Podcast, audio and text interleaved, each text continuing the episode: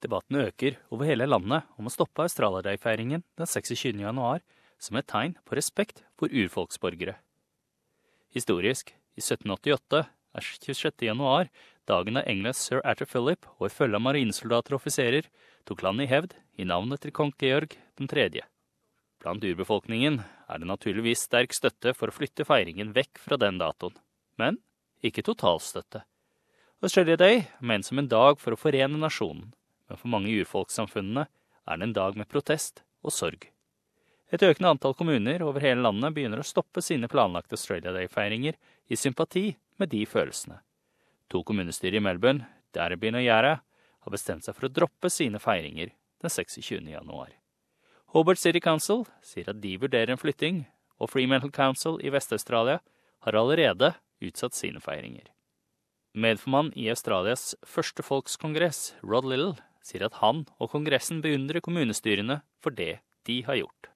Congress has commended those uh, councils, the Fremantle City Council and, and others, and I think it's, it's brave of those councils to stimulate a discussion that needs to be had because we are an evolving society.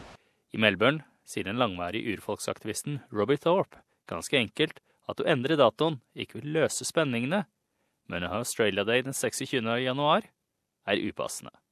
It's offensive and insulting and denies us our humanity, our human rights, our dignity. You know, we've seen our country destroyed in a very short space of time. Men det er andre som har en annen oppfatning.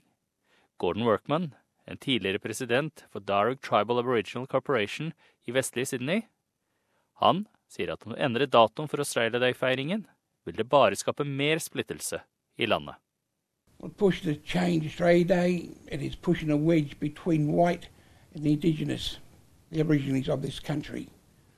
Day. Nothing more, nothing. Han sier at debatten er fåfengt, og at samfunnet må bevege seg fremover. I mean, the past is the past. You, nobody can go back and change it, but we can change what's coming, and that's what we should be focusing on. Not a day.